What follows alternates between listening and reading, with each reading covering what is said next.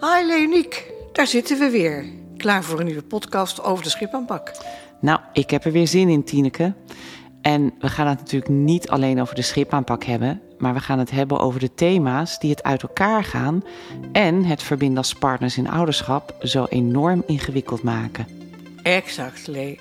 Veel van die thema's zullen ook te koppelen zijn aan relaties in het algemeen. En ik ben er klaar voor. En waar gaan we het over hebben? Laten we het vandaag eens hebben over emoties. nou, ja, een podcast over emoties. Nou, dat gaat wat worden, Lee. nou, ja. Maar het is ook zo'n breed begrip, hè? Want waar, waar denk jij aan als eerst als je bijvoorbeeld hoort... oh, ze kan helemaal niet goed met haar emoties omgaan? Ja, dan denk ik in eerste instantie meteen aan lastige emoties. Hè? Emoties die raken aan schaamte of schuld. En vreemd nog niet aan fijne emoties, zoals blijdschap of uh, noem, noem eens wat op aan, nee. aan, aan, fijne emoties. Nee, je hoort, je hoort, nou, je hoort hoog uit iemand zeggen, nou, die is altijd zo blij. Maar je hoort nooit iemand zeggen, ik kan helemaal niet met de emoties omgaan. Ja. En het is natuurlijk ook niet zo gek, want er zijn veel meer lastige emoties te benoemen dan positieve. Hmm. En als je lekker in je vel zit en je bent blij, dan geef je daar veel makkelijker uiting aan. Tenminste, ik wel. Ja, ja. En niemand zal je daarop nee, afwijzen. Nee. Maar als je boos bent of intens verdrietig, ja, ja dan. A, het wordt lastig voor je omgeving. En dat kan dan weer lastig voor jezelf zijn. Zeker als je misschien daar vroeger geen goede respons op hebt gekregen. Ja. Nou, dat is helemaal waar. En dat komt, en dat komt ook omdat je om, omgeving denkt: oh, ik moet daar iets mee. ik, moet er, ik moet erop reageren of ik moet er wat van vinden. Ja. Hè? En, uh, ja. ja. Ja, joh, dat begint toch al bij de opvoeding. Hmm. Hoe vaak zeggen ouders wel niet: oh, nou, weet je, kus je erop en het is weer klaar.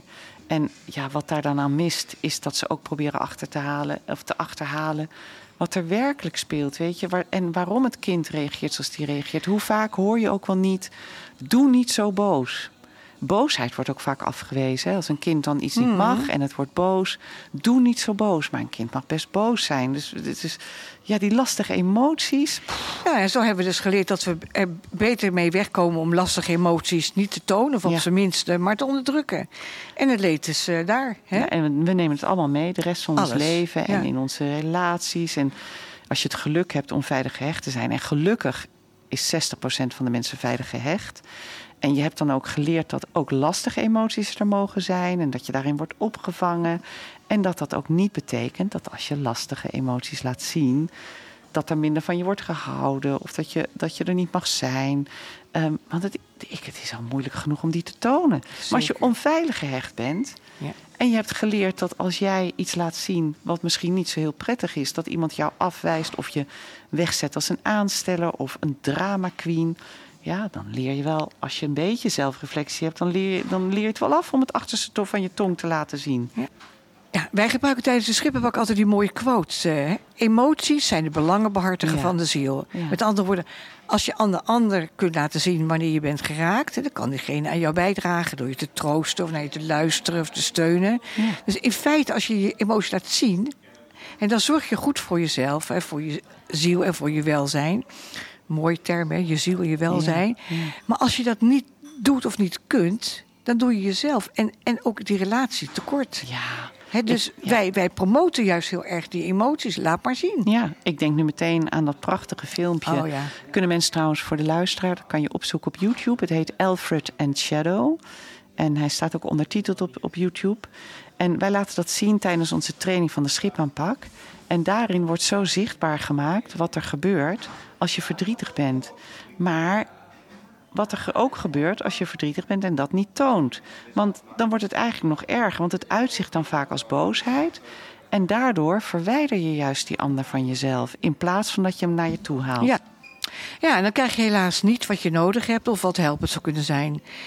Eh, En als we dat eens vertalen naar relaties, dan zie je de tragiek voor je ogen vertrekken. zo vaak, we zien vaak. die stellen die in scheiding zitten of in een akelige vechtscheiding zijn beland. eh, eh, en dan, dan zie je het gewoon voltrekken. Ja. Hè? En vergeet niet al die stellen wiens relatie in slecht weer zijn beland.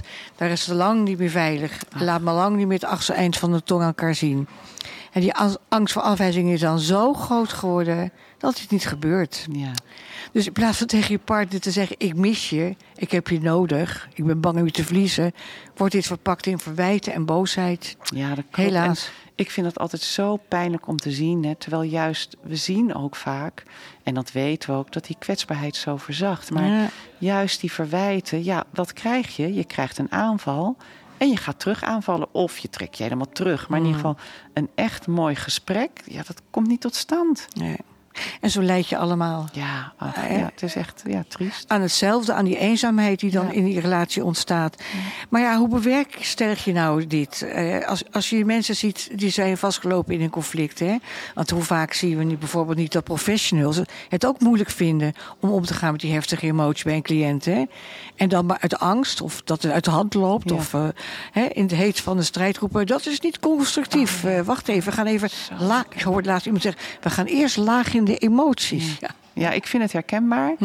En ik vind het ook begrijpelijk. Mm. Want ja, je, je bent ook bang voor dat het uit de hand loopt. Zeker. Daar horen we natuurlijk ook veel te veel moeilijke en nare verhalen over. Maar wanneer grijp je dan wel in?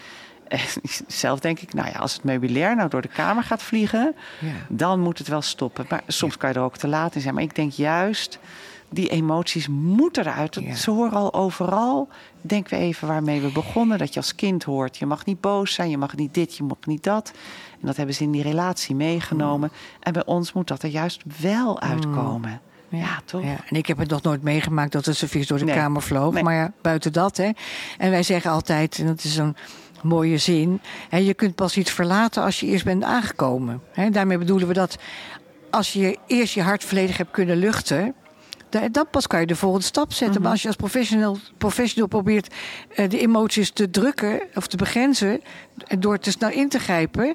dan kunnen cliënten nooit die volgende stap zetten. Nee, nee, nee, Ja. nee, nee, precies. En ga je zelf maar na, weet je. Nou ja, trouwens, ik moet nou opeens denken... als ik zelf vol van iets ben... Hmm. en de ander laat mij niet aan uitspreken... of vindt dat ik me in moet houden als ik, als ik boos ben... en die ander gaat mijn Ja, boosheid proberen te temperen... ja. Ja, dan word ik alleen maar boos, want ik wil gehoord worden. Ja. Het is veel, veel effectiever om te kijken wat er onder die emotie zich afspeelt. Waar raken ze aan? Mm. Welke belangen zijn in het geding? Wat, welke behoefte ligt daaronder? Weet je, het is de taak van de hulpverlener, vind ik. En dat, dat doen wij natuurlijk ook in onze praktijk, om de cliënten daarmee contact te laten maken. Precies, en dan pas kan het echte gesprek plaatsvinden tussen die partners. Hè, door, door te vragen aan de andere partner: Wist je dat er onder dit verwijt een verlangen ligt? Hè? En nu je dat weet, wat betekent dit voor je? En, en om vervolgens ook aan hem of haar te vragen: wat zijn die behoeften zijn, enzovoort, enzovoort. Hè?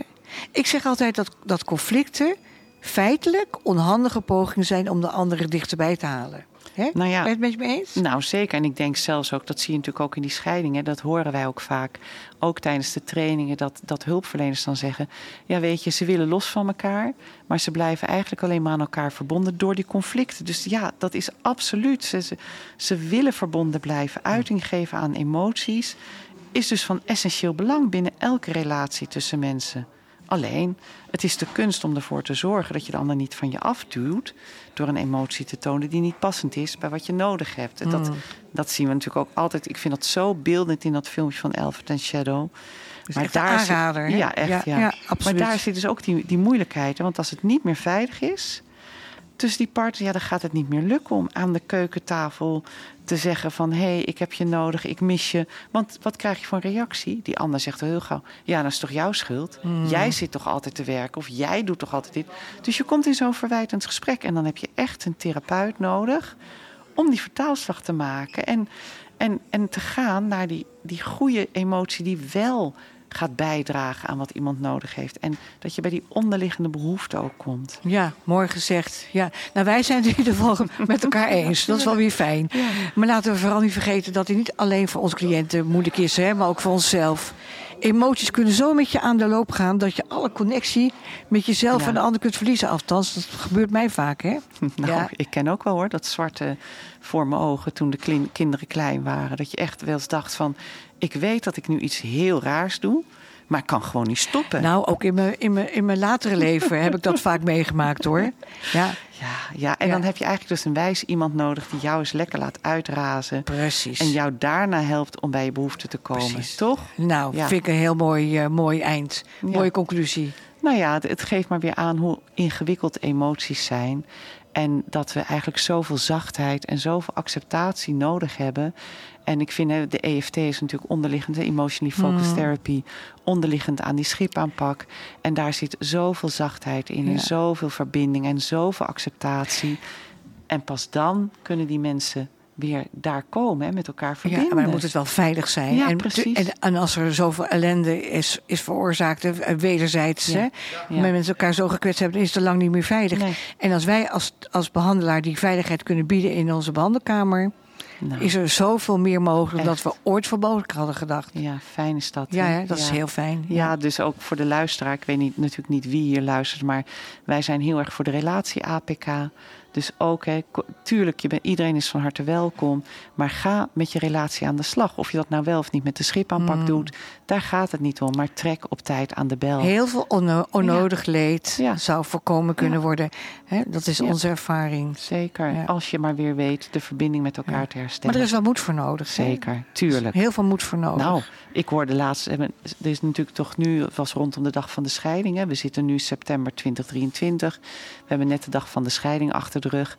En daar kwam het plan van de advocaten eh, om te zorgen dat mensen al op voorhand een soort ouderschapsplan maken. Mm. Maar toen hoorde ik op de radio ook een, een reporter zeggen: Hmm, ik zie mij al naar mijn partner gaan. Schat, zullen wij alvast eens even een ouderschapsplan gaan vastleggen? Het is best ingewikkeld om te gaan aangeven hé, hey, misschien gaat onze relatie niet lekker. Moeten wij niet eens iets? Want Mhm. ja, je weet nooit wat de gevolgen zijn. Ja, En dan zitten we weer bij die ingewikkelde emoties. ja, ja. Dus moet, absoluut. Maar het is een investering. Ja, ja we zijn, eh, ik, mijn ervaring is dat mensen vaak zo slordig met hun relaties omgaan. Ja. Omdat ze denken, nou, dat, hè, we hebben Zit genoeg. goed. Het zit wel goed, ja. Ja, Maar dat is de grootste misvatting en de Absoluut. grootste valkuil. Oké, we gaan stoppen. we gaan stoppen. We kunnen er geen genoeg van krijgen. tot de volgende keer. Tot de volgende keer.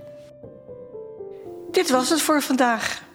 Volgende keer nemen we weer een ander thema onder de loep. Wil je in de tussentijd meer weten? Kijk dan op de website schipaanpak.com. Voor nu willen we je hartelijk bedanken voor het luisteren. Oké, tot de volgende keer. Deze podcast kwam tot stand met Tineke Rodeburg en Leoniek van der Marel, ontwikkelaars van de schipaanpak, en Kiki Stordio, die heeft gezorgd voor de regie en de muziek.